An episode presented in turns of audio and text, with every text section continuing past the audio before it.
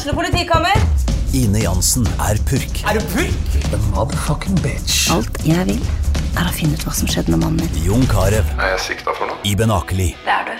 Ole So, Lars Berrum og Big Daddy Karsten. Hvem sin side er du på, egentlig? Anette Hoff, Tone Danielsen, Kommer du fra Afrika?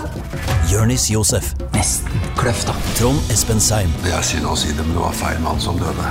Purk. Premiere tirsdag på TV2 Play. Hei, og velkommen til en ny episode av Debrif med Dag Sørås. Ja, hvordan går det? Fy faen. Jeg, jeg føler at i, i helga så tok jeg igjen eh, mye av det tapte når det kommer til fest og moro. mye av det man har gått glipp av gjennom pandemien, blir faen meg eh, Ja, eh, helvetes liv. Ek eksepsjonelt gøy var det, men eh, det var jo pride, La oss nå si det sånn at vi feira pride, da. Vi fikk faen meg feira pride. Jeg mener, hva er bedre enn å feire skeiv kjærlighet som, som var ulovlig, selv om det ikke burde vært det, med å gjøre ting som er ulovlig, selv om det ikke burde være det, og en del aktiviteter som er, ikke er ulovlig, men som, som burde være det. Gøy var det i hvert fall. Uansett. eh, begynner vel for så vidt først å komme akkurat nå. Men eh, sånn er det. Men, men det er klart, etter den eh, ja, hva, hva er det som kommer etter hva her? Etter den søte kløe kommer den sure svie. Det er ikke det det heter. Og som alle andre i Oslo, eh, så venta jeg på, på knallvær på mandag. Eh, fordi Yr hadde jo sagt at det skulle bli, det skulle bli helt fantastisk vær og sykt varmt, og, og, så, og så ble det ikke det. Men de sa jo det, og så ble det ikke det. Meteorologene sa jo at det skulle bli sånn, og så ble det på en annen måte. Det, det, Godværet kom jo ikke. Nå vet, jeg hvordan de kristne som har venta på Jesus i 2000 år, har det. ikke sant? Og Det ble jo faen meg en klagestorm mot Yr, og det var en stor sak på TV 2-nyhetene hvor de intervjua folk som, som, som våga å uttale seg. og det var sånn, De, de, de sto der på ettermiddagen og bare Jo, men jeg hadde jo håpa på bra vær, men så, så ble det ikke så bra som jeg hadde håpa på. Men det klarner jo, jo bra opp nå. Jeg kjenner jo at temperaturen er jo på vei opp. Ja, TV 2 er jo selvfølgelig ute og filmer det her på fuckings ettermiddagen, og når innslaget omsider ble sendt på kvelden, så var det vel ingen i Oslo som så på det, fordi alle var ute i godværet. Mens de kristne sitter fortsatt inne og venter på Jesus. De har i det minste sol i sinnet, men eh, ja, jeg vet da faen. Jævlig merkelig. Det er da, det er da man tenker sånn når, når folk sitter ute i distriktene og hater Oslo-folk. Jeg skjønner det i det der tilfellet, hvis du tror at folk som klager til Yr over at ting ikke gikk som forventa, er, er representativ for, eh, for noen verdens jævla ting. Men det er jo alltid noen som skal Tydeligvis er det alltid noen som skal klage. Jeg, jeg så en artikkel på, på NRK hvor én av fire syns gjenåpninga går for fort. Det er et intervju med Ada Marie på 21 år. Ada Marie syns gjenåpninga går for raskt, altfor raskt. Blir hun smitta, risikerer hun å smitte kundene hun møter i butikkjobben sin. Blir hun syk, går hun glipp av skole og jobb. Det knyter seg i magen. Ti dager i isolasjon står som et skremselsscenario foran henne. Hvor redd er du for å bli smittet nå, på en skala fra én til ti, spør jeg. Nesten før jeg har snakka ferdig, bryter hun inn. Ti! Ti! Jeg hvorfor i helvete er ti dager isolasjon et skremselsscenario når alt hun gjør i artikkelen er å klage på at hun ikke er klar til å fære ut og møte verden? Herre Jesu fuckings navn, nå, det, det, altså Du er 21 år og nervevrak, det er jo det som er fuckings problemet. Jeg prater med en eller annen psykolog som sier at pandemien ga enkelte en et, et etterlengta pusterom fra en ellers tung hverdag. At det er noen som ikke vil tilbake. Er det vi ikke tør å snakke om. Herregud, altså, jeg, vet, jeg klarer ikke å frykte jeg kan, jeg kan på en måte forstå det hvis du driver og tenker at jeg er så redd for at alt skal stenge ned igjen. Jeg er for redd for å få for store forhåpninger, og så blir alt stengt ned igjen. Men, men jeg klarer ikke å frykte nedstenging nå, fordi det, det kommer ingenting godt ut av det. For en gangs skyld klarer jeg å være rasjonell i forhold til, til egne følelser. Det kommer ikke noe godt ut av det. Ikke fordi jeg er optimist, jeg nekter bare å være pessimist. Jeg gidder ikke det der. Og I en artikkel så begynner de faen meg å skrive om hvor i faen var det Jomo, som en motsats til eh, til FOMO. Så vi ser her. Fordi noe skal det faen meg være. Det er selvfølgelig de som vil gå ut og si jeg vil, jeg vil stemme for et regjeringsskifte fordi myndighetene gjorde at pandemien det ble over for fort her. Og kanskje har hun fortsatt med seg den ene tingen pandemien ga henne. Frihet fra FOMO. Hvem vet, kanskje er den for henne, som for meg, byttet ut med JOMO, the joy of missing out. Det ville i så fall vært et slutt som er en Disney-film verdig. Jeg mener, hva faen er det du snakker om? Hvis du har en joy of missing out, så er det jo for faen bare å fortsette med det. Kjør på! Miss ut, for helvete! Men Jesu jævla navn, jeg håper jo de av oss som vil ha den gamle normalen tilbake, kan få det. Jeg, jeg, jeg er introvert. Jeg kan fortsatt fortsette å være introvert. Det er ingenting ved deg som trenger å forandre seg, bare fordi samfunnet åpner opp igjen. Men denne jævla sytinga over at du Skal du syte fordi pandemien forhåpentligvis snart er over? Da kan du fuck off, altså. Det var Burton Russell, den fantastiske filosofen, sa noe sånt som eh, om, om, du frykter kjærlighet, så frykter du livet, og om du frykter livet, så er du nesten død allerede. Vel, la oss snu det om til om du frykter gjenåpning, så frykter du livet. Og da er du faen meg død allerede. Jeg mener, livet er jo vanskelig nok uten en pandemi. Det er mer enn nok av andre problemer å fokusere på. Hvis du syns det er kjipt at ting går bedre, så trenger du bare å tenke deg litt om, så finner du garantert noe grums i din egen syke, eller i din egen familie, eller i ditt eget underliv, som er grunn til bekymring verdig. Men la oss nå for helvete være glad hvis vi blir kvitt denne fuckings pandemien. Jesu navn. Det er andre ting å fokusere Biden bomba Syria nå. La la oss feire det. Det er jo bare ting å feire. Biden bomba Syria for andre gang, siden han snøvla og snubla seg inn i Det hvite hus. Men han har også nå tatt møydommen på det å bombe Irak som president. Det gjorde han også nå eh, for første gang forrige uke. Eh, så at det, det, forsvarsministeren Lloyd Austin den tredje det var han som brifa, han og en eller annen general de brifa Biden om angrepsmulighetene i Syria og Irak, og Biden-boy han slo til. USA sier at dette ble gjort i, selvforsvar. Hvordan kan USA bedrive selvforsvar i et annet land, spør du? Ikke spør om det. Det er best å bare ikke spørre, fordi endeløs krig er the name of the game. Jeg mener, jeg har sagt det her før, men det er så jævla verdt å gjenta. USA hadde et krigsdepartement frem til 1947 og så skifta de navn fra krigsdepartement til forsvarsdepartement, og det betyr selvfølgelig mer krig.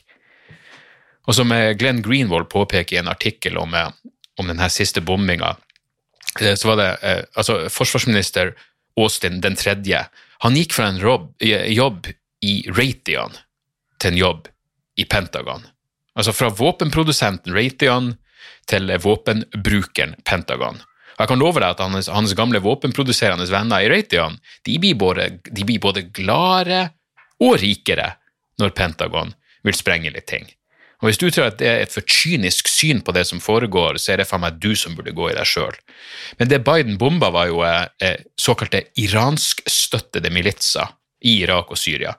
Som betyr selvfølgelig at han bomba irakere og syrere, noe som selvsagt er ulovlig. både jeg jeg tror ifølge både amerikansk og internasjonal lov, men, men hei, du kan ikke la sånne bagateller stå i veien for litt, eh, litt fyrverkeri i Midtøsten. Og det er viktig å huske at de, samme, altså de, de, de medielakeiene som hater Trump, mange av dem sa at Trump ble omsider president da han bomba Syria, så det her er som en slags pervers, kynisk, amoralsk manndomsprøve som amerikanske presidenter må gjennom. Hvor gode gamle B-Dog får vise at han fortsatt kan få den opp på vegne av det militærindustrielle komplekset som Eisenhower advarte mot da han gikk av som president for 60 jævla år siden. Nei, bomb i vei, så vet du i hvert fall at et eller annet er, er, er som normalen. Det burde bekymre deg mer enn at pandemien snart er over. Aune, eller hva faen hun heter.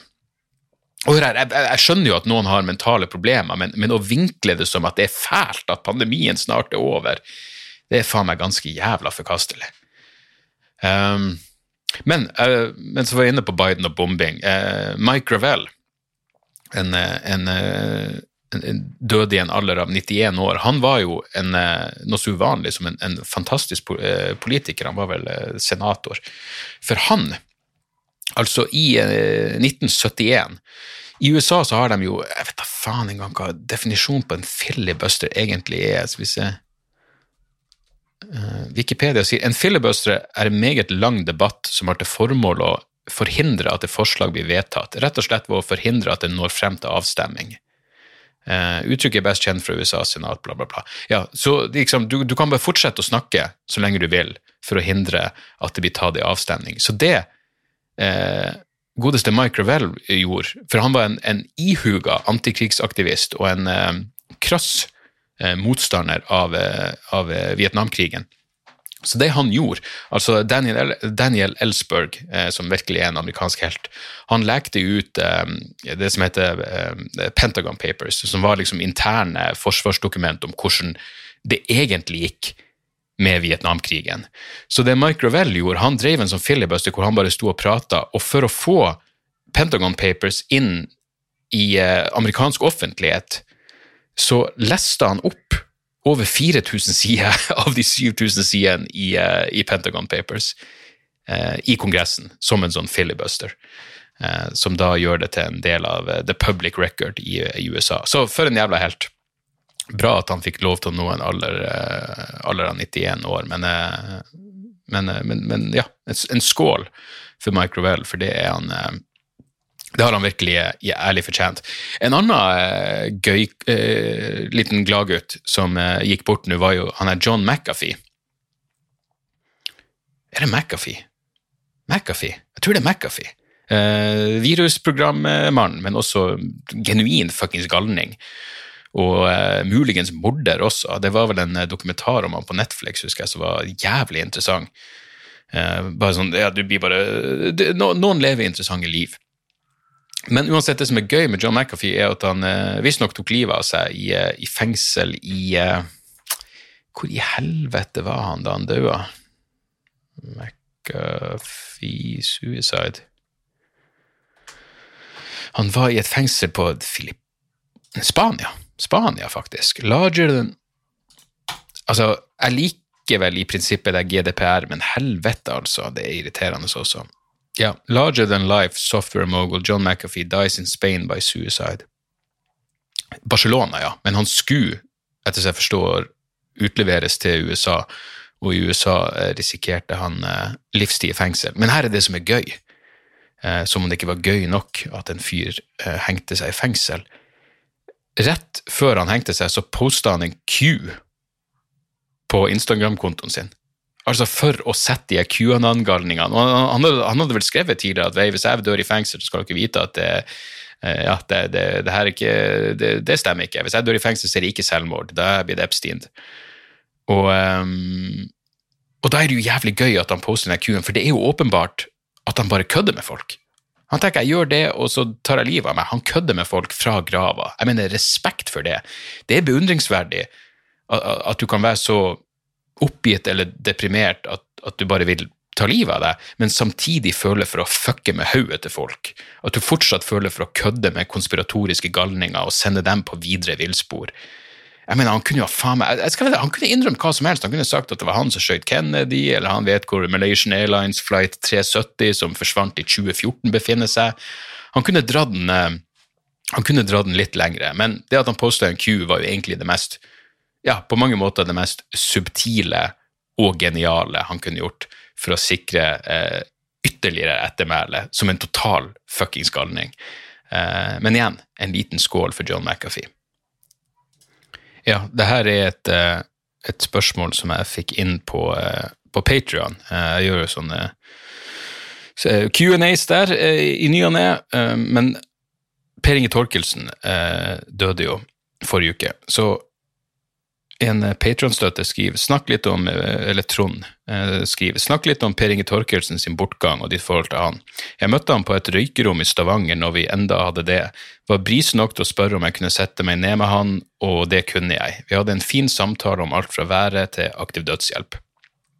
Og ja, For det første, du skal, du skal ikke ut, si at jeg og Per Inge var, var nære venner, eller noe sånt, men jeg kan jo huske han fra tida før jeg egentlig ble veldig interessert i humor.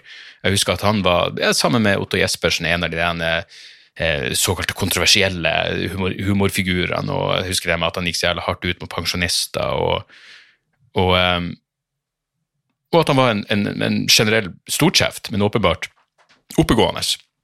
Eh, så jeg, så jeg, jeg hadde vel i den forstand innbilt meg at vi kanskje eh, ville gå overens. Men så er det rart med det der når man, når man bare hører rykter som man egentlig ikke gjør noe for å for å eh, dobbeltsjekke, hvor man bare tar folk på sitt ord når man muligens ikke burde ta dem på sitt ord. Men det som skjedde, var at for mange, mange år siden, eh, tolv år siden sikkert, eh, så skulle jeg vel være med på en, eh, en standup-festival i Stavanger som nå ikke lenger eksisterer. Og det var ei som jobba der. Jeg hadde soloshow, faktisk. Det var en av de, ja, en av de første gangene jeg hadde soloshow. og Derfor Stavanger alltid vil ha en sånn varm plass i hjertet mitt. For jeg husker at det møtte, det møtte opp bra med folk første gang jeg hadde et soloshow der. Og så har jeg liksom eh, bestandig passa på å vært innom Stavanger med hva enn det skal være for noe. Og eh, ja, etter hvert så har jeg fått bra eh, ja, bra gjeng med, med, folk som møter opp når jeg, når jeg, er i byen. Men i hvert fall, jeg hadde hatt et soloshow der, så var det en av de som jobba på festivalen som sa at Per Inge Torkelsen han hadde vært motstander av at jeg skulle være med på den festivalen. For han satt vel i det styret, han hadde et eller annet med den festivalen å gjøre. Jeg husker at jeg ble litt sånn Såra er jo ikke det rette ordet, men jeg ble forbanna, for jeg måtte si jeg vil faen aldri hatt noe med han å gjøre. og Hvorfor, hvorfor misliker han meg? Jeg trodde, jeg, jeg trodde, mer at vi var på eh, ja, hva man skal kalle det, samme sida. Eh, I hvert fall med samme Ja, at vi, at vi har det samme Jeg vet da faen. Jeg, det var en del av meg som tenkte at jeg, trodde han burde Jeg trodde han ville likt meg. Men det gjorde han tydeligvis ikke. Så da fikk jeg jo selvfølgelig imot han uten å noen gang ha truffet han, og uten egentlig kunne få verifisert denne eh, informasjonen. Og mange år etter det her så, så var jeg med på eh, Human-Etisk Forbund hadde noe som heter Blasfemisk aften.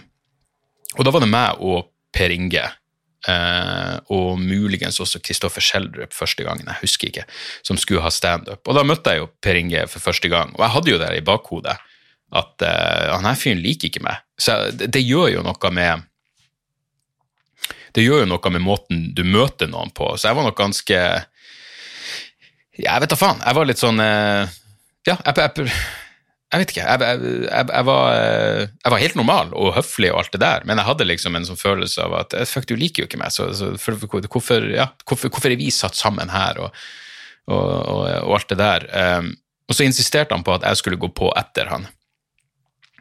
Og da sa jeg ja, ok, men det er bare du introduserer meg. Bare husk å si eh, Husk at du må introdusere meg, for det er ikke noen konferansier som går på imellom. Og så gjorde han ikke det. Han bare gjorde showet sitt, og så gikk han bare av scenen. Uh, for han glemte det jo. Det var jo åpenbart i ettertid, da, men han bare glemte det, og så gikk nå jeg på og bare Jeg vet da faen, det er mulig jeg sa et eller annet uh, småsarkastisk. Um, Prata ikke så veldig mye med han etterpå, og endte vel opp med å tenke at jeg, jeg liker ikke Per Inge Torkelsen. Uh, jeg har veldig lite til overs for han. Han levde jo ned til de forventningene jeg hadde. Og så endte jeg opp med å gjøre et show til med han, eh, kanskje et år eller to etterpå. Og da eh, husker jeg at vi hadde et sånn vi hadde et intervju med eieren av avis først. Jeg, jeg, tror også det her var i regi av Human-Etisk Forbund, hvor um, han hadde blitt intervjua før meg. Vi ble ikke intervjua samtidig. Og så hadde han sagt noe sånt som at um, han var imot um, å kritisere islam på scenen, men det var ikke jeg, så de fikk ta de spørsmålene med meg. Og det var nok sikkert en del av meg som gjorde at jeg, jeg tok det som en, en, slags diss, og at han var uenig med meg. Uh, men vi gjorde showet, og det gikk bedre, og nå likte jeg han bedre. Uh, vi gikk bedre overens. Det er ikke som vi henger en masse i lag, men, uh, men jeg tok nå en øl, og han prata om at han skulle jeg husker ikke om han sa at han Nei, det, det, skal jeg ikke si, for det, det, det, husker jeg ikke eh, bestemt om det var han. Men i hvert fall, det er et litt bedre inntrykk denne gangen. Og så, hadde, så gjorde jeg mm, Da jeg gjorde showet Jeg må være da jeg gjorde Ekkokammer. Eller var det Demokrati? Jeg husker ikke. Enten det, forrige showet mitt eller det før, før, der igjen. Så hadde jeg showet på Stavangeren. Og da uh, var Per Inge der og kom backstage før showet la med kona. Um, som var veldig hyggelig gjort. At han tok turen og møtte opp. Uh, og et, I ettertid etter det så sa han noen veldig hyggelige ting om meg i intervju. Så jeg, jeg, jeg endte vel opp med å bare tenke sånn Faen, jeg, jeg, tror kanskje ikke det var sant at han var så motstander av at jeg skulle være med på denne festivalen. Og uansett om det så var sant, så, så burde jo liksom eh, vi starter med, med, med, blanke ark når vi faktisk har møttes for første gang og fått, eh, og fått prata litt. Og, og, det at han tok turen for å se showet mitt, var jo selvfølgelig jævlig, jævlig trivelig gjort. Så eh, som jeg skrev på Twitter, så, så jeg, jeg skriver at jeg, jeg starta med å mislike Per Inge, og så mislikte jeg han litt mindre, og så likte jeg han godt. Og det er en bra læringskurve. Så det er egentlig mitt, eh, ja, mitt lille forhold til Per Inge Torkelsen. Men, men eh, faen, altså. Sov godt til han. Det, det, han han vandra for tidlig. Og jeg stoler på at han har hatt et, et, et interessant og fått, fått, gjort mye i, i livet sitt, men jeg må, jeg må ærlig si at jeg, Um, ja, jeg ble, jeg ble fuckings lei meg uh, da jeg hørte at han var, var vandra videre. Og det fikk meg også til å begynne å tenke på det der at faen. Faen heller, altså. Det, det er synd hvis man lar seg villede til å ha feil eh, inntrykk av noen. Eh, så kanskje man burde dobbeltsjekke litt mer informasjon. Og det, det, det, det jeg burde ha gjort, var jo bare å spurt han. Uh, er det stemmer det her? eh, kanskje ikke åpna med å si hei, stemmer det at du ikke vil ha meg på denne festivalen, men jeg burde i hvert fall ha tatt det opp. Men det ble liksom aldri passende. Vi satt aldri i lag og, og tok i øl. Liksom, i, I sånn setting så ville det vært passelig å ta det opp. Og, og det passa i hvert fall ikke å ta det opp rett før jeg skulle på scenen. Jeg gidder ikke noen potensielt flau situasjon eller noen fuckings halvkrangel rett før jeg skal på scenen, eh, da han var backstage før showet mitt. Men um, ja, nei, hvil i fred til, til, til, Per Inge. Han er en av de som har gjort, gjort mye for uh, denne kombinasjonen av humor og det å faktisk uh, det å ha noen noe meninger om, uh, om, samfunnet. Det er nesten så jeg får lyst til å ta meg en røyk bare til hans, til hans jævla ære. Men sånn. Sånn er det. så fikk jeg et annet spørsmål på Patrion som jeg også syns var litt interessant. Um, hvor noen skriver følgende Syns drømmeanalysene dine er Syns drømmeanalysene dine er faktisk interessante, kanskje spesielt pga. at du ikke er typen til det. Kjenner du igjen naturen av drømmene i Lynch sine illustrasjoner? Kan man gjøre en kobling til Chomskys beskrivelse av internspråk? Mulig dumt spørsmål, men jeg er ikke så kjent med han enda. Spørsmålet hva drømte du sist? Altså, Hvis du spør om jeg kan kjenne igjen altså Det er jo ingen tvil om at David Lynch eh, opererer i en, i en, drømmeverden, og i den forstand så kan man jo altså, Jeg vet ikke om man kan kjenne seg igjen i andre sine drømmer. Men som jeg har sagt før, det, det er en grunn til at drømmer er det kjedeligste i verden å prate om til andre. Eh, fordi de, Jeg hadde faktisk en, en, en, en en prat med sønnen min om drømmer rett før jeg satte meg ned her, fordi jeg har jo sånn tavle stående med, med stikkord til vitser og sånt, og så står det drømmer pluss drite, driteposer pluss Ted Bundy. Og Sander var sånn Det der det betyr jo ingenting. Jeg ba, jo heldigvis betyr det noe for meg. Han bare, ingen som skjønner noe av det der. Jeg ba, ingen trenger å skjønne noe av det der utenom meg. Men det handler om en drøm jeg hadde om at jeg gikk tur med Ted Bundy i barn. Og da var Sander sånn Du drømte ikke det? Jeg bare Jeg tror jeg drømte det. Men men uansett så er jo poenget at ja, jeg, jeg kunne drømt det. Det er det, som er med drømmer. Det, det, det kan være fuckings hva som helst. Um, når det kommer til om man kan gjøre kobling til Chomsky sin beskrivelse av internspråk, vet du, det, det, eh, det, vet jeg rett og slett ikke. Jeg har egentlig ikke noe, noe, noe følelse av at jeg har noe verbalt språk i drømmene. Jeg føler, jeg føler at alt er nærmest Eh, ja, nærmere eh, At det er mer å si, å si telepatisk kommunikasjon. Jeg, jeg, kan ikke engang Ja, nei, jeg, jeg, jeg, har jo hatt Jeg har jo drømmer som omhandler Nei, det, det mest internt, altså. Jeg, vet da faen om jeg kan huske å ha hatt noe, noe, noe, dialoger i drømmer, for å være helt ærlig. Jeg bare føler at alt er bare ja, internspråk, uh, i den forstand.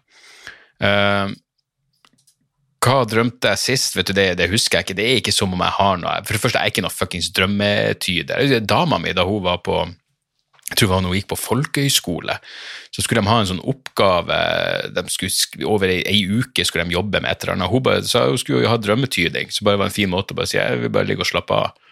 eh, å tolke drømmene mine på, Hun fikk det godkjent og alt. Men, men det, er ikke noe, det er ikke som om det er noe jeg fokuserer på og tenker mye på. Det er bare av og til er det, er det interessant å legge merke til. og ja, jeg, hva jeg drømte sist? Jeg drømte om kunstig intelligens sist, men, men ikke en sånn klar på en klar måte, rett og slett bare fordi jeg skulle opp dagen etterpå og, in, og prate med noen om kunstig intelligens. Så på et eller annet vis så, så tror jeg jeg drømte ut kanskje spørsmål jeg hadde, og ting jeg lurte på. Uh, men det er mer sånn ren problemløsning uten klare bilder. Uh, men jeg faller nok, faller nok tilbake på den ideen om at det har ikke noe å si Altså, det er ikke noen riktig måte å tyde sine egne drømmer på, for hva enn, hva enn slags analyse du får ut ja, hvis, hvis, du har gått igjennom et eller annet, eller det har skjedd et eller annet stort i livet ditt, eller, eller du, du, kan linke en drøm opp mot et eller annet, hva enn slags analyse du får ut av det, er jo korrekt. Det finnes ikke noe rett og galt svar. Det, det, det, hva enn du får ut av å tenke igjennom hva du har drømt, er jo riktig og kanskje potensielt viktig for deg. Men jeg, det, liksom, det, det, det, er ingenting objektivt her. Det er bare, det er bare hva man får ut av det. Det, er jo som jeg noen gang kan tenke at eh, eh, ja, Hvis jeg og fruen sitter og, og, har en ordentlig en, en, en, ordentlig dyp samtale om et eller annet, så kan jeg av og til tenke sånn Å ja, ok, så det er sånn her egentlig terapi fungerer. At jeg bare snakker om noe, og så drar jeg slutning i mitt eget hode. Jeg lurer, på om det er sånn terapeuter funker for, for, enkelte folk. At det ikke er så mye hva terapeuten Jeg har aldri gått i terapi, men at det liksom ikke er så mye hva terapeuten gir tilbake, som hva du klarer å finne ut om deg sjøl.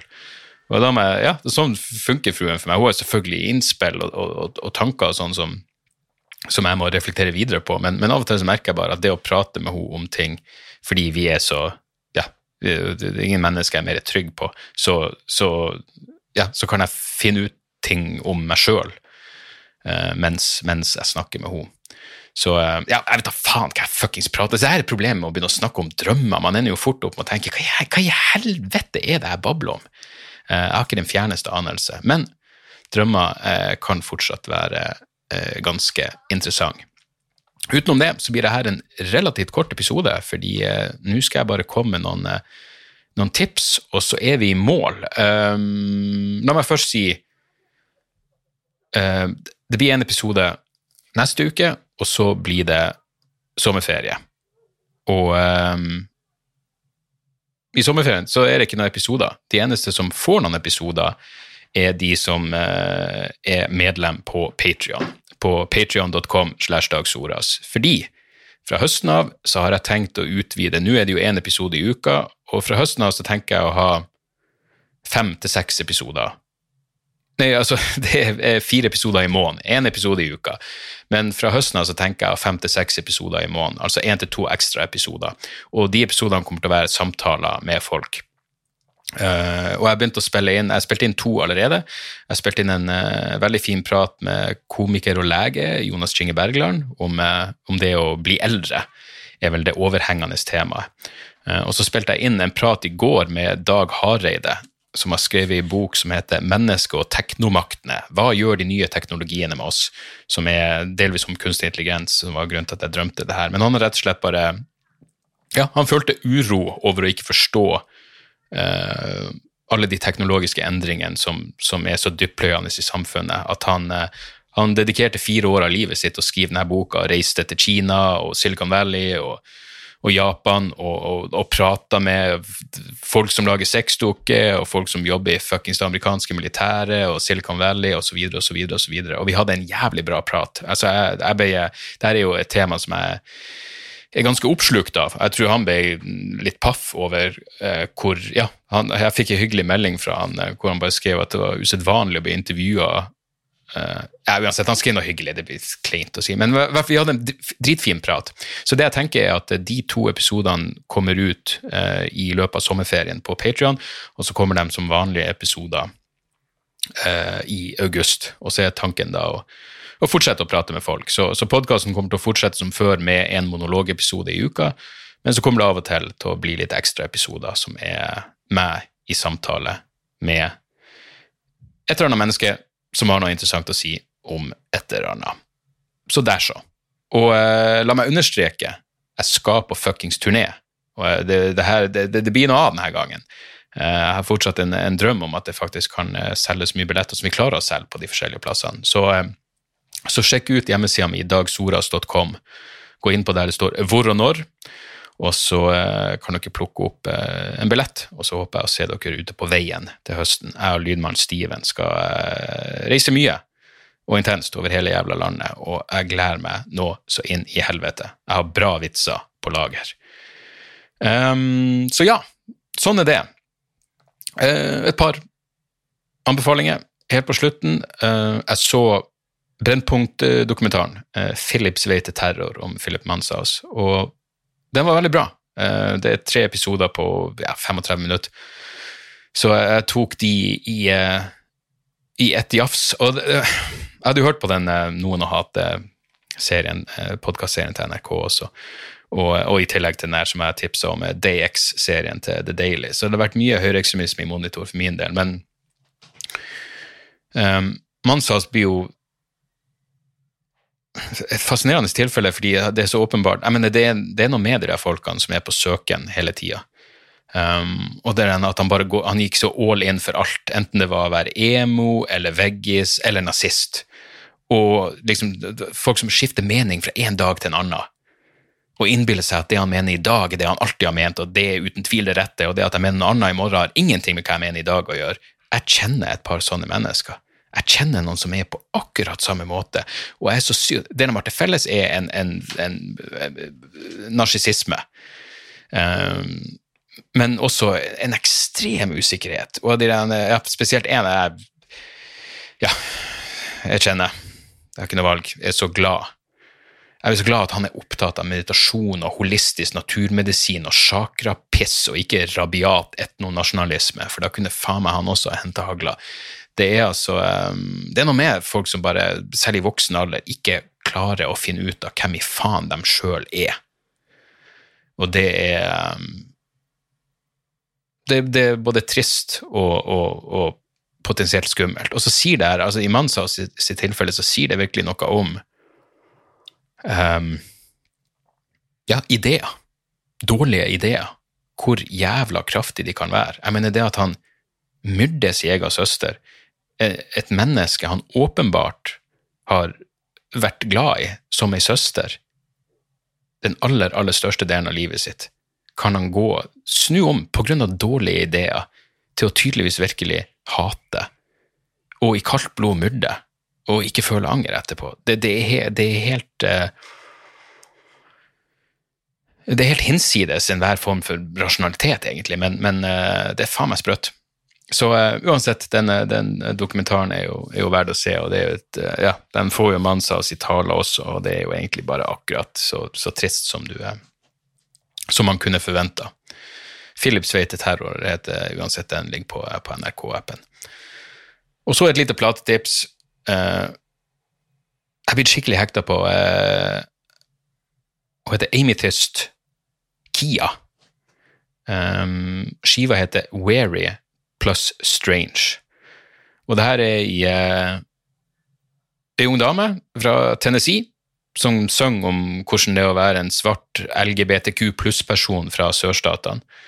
Um, og ganske heavy saker. Det, liksom, det, det, høres jo tøft ut nok i seg sjøl, i tillegg så sang hun om hvordan hun mista mora til selvmord da, da hun bare, da hun, altså, da hun sjøl var 14. Eh, men faen sliter med avhengighet. Det er heavy saker, men det er jævlig gjennomført. Og, og, så, og, så, er det ingen tvil om at det her er lagd når du hører på skiva, så er det ingen tvil om at det her er, det her er fra sørstatene. Det er liksom det, det er melankolsk tidvis rocka country blues. Og I tillegg så er jo godeste Amythist en eh, Jeg tror det er sånn det uttales. A-m-y-t-h-y-s-t. Um, altså det er Kia. Hun er en dritbra vokalist, uh, og hun har akkurat den, den herlige aksenten som du forventer, gitt at hun er fra, fra Tennessee. Så bare, mener, bare, gå inn på fuckings uh, Gå inn på Spotify, sjekk låta uh, Tender Organs og hør på den. Og hvis dere ikke liker den, så vet jeg ikke hva som er galt med dere. Det er i hvert fall ei, en knallåt og ei, ei jævlig bra skive. Uansett, jeg ser at det er sol ute, som betyr at jeg nå skal ringe inn og beklage bombetrusselen jeg har sendt inn til Yr. Men uh, jeg, håper, jeg, håper, jeg, håper, livet behandler dere eh, bra, folkens, og, uh, og at vi høres igjen neste uke. Jepp. Det var det. Tjo og hei. Moderne media. Da er det reklametid, og ukens annonsør er fiken. Hør her, jeg, jeg, jeg avskyr ordet regnskap. Ordet regnskap eh, gir meg assosiasjoner som er uhyggelige. Det får meg til å tenke på andre uhyggelige ord som ettersyn og underlivsundersøkelse. Men regnskap er et nødvendig onde, og fiken er et så enkelt regnskapsprogram at selv jeg kan klare å ha kontroll på finansene hvis jeg bruker det. Eh, du kan registrere kjøpene dine bare med å ta et bilde av kvitteringa med appen, og så kan du bare hive, hive kvitteringen. Hvor nydelig kan det bli? Og Fiken forholder seg også til regnskap med overkommelige ord. Det er ikke masse overkomplisert økonomisk terminologi. De kaller det kjøp og salg i stedet for hva enn de kaller det på BI. Og du kan, eh, du kan få fiken til å sende purringen dine, sånn at du slipper å gjøre det sjøl. Slipper du de flaue øyeblikkene hvor du må skrive 'unnskyld meg, men det står noe utestående her, kan du fikse det fortest mulig', eller må jeg sende, sende mafiaen etter deg? Nei, fiken fikser det, så kan du skylde på algoritmene. Du slipper dårlig stemning. Jeg syns det er utrolig greit å slippe å styre med sånne ting sjøl, og nå kan du prøve fiken gratis i 30 dager. Hva, hva har du å tape? Bokstavelig talt ingen verdens ting. Så gå inn på fiken.no og prøv fiken gratis i 30 dager. Ok? Det var det så vanskelig.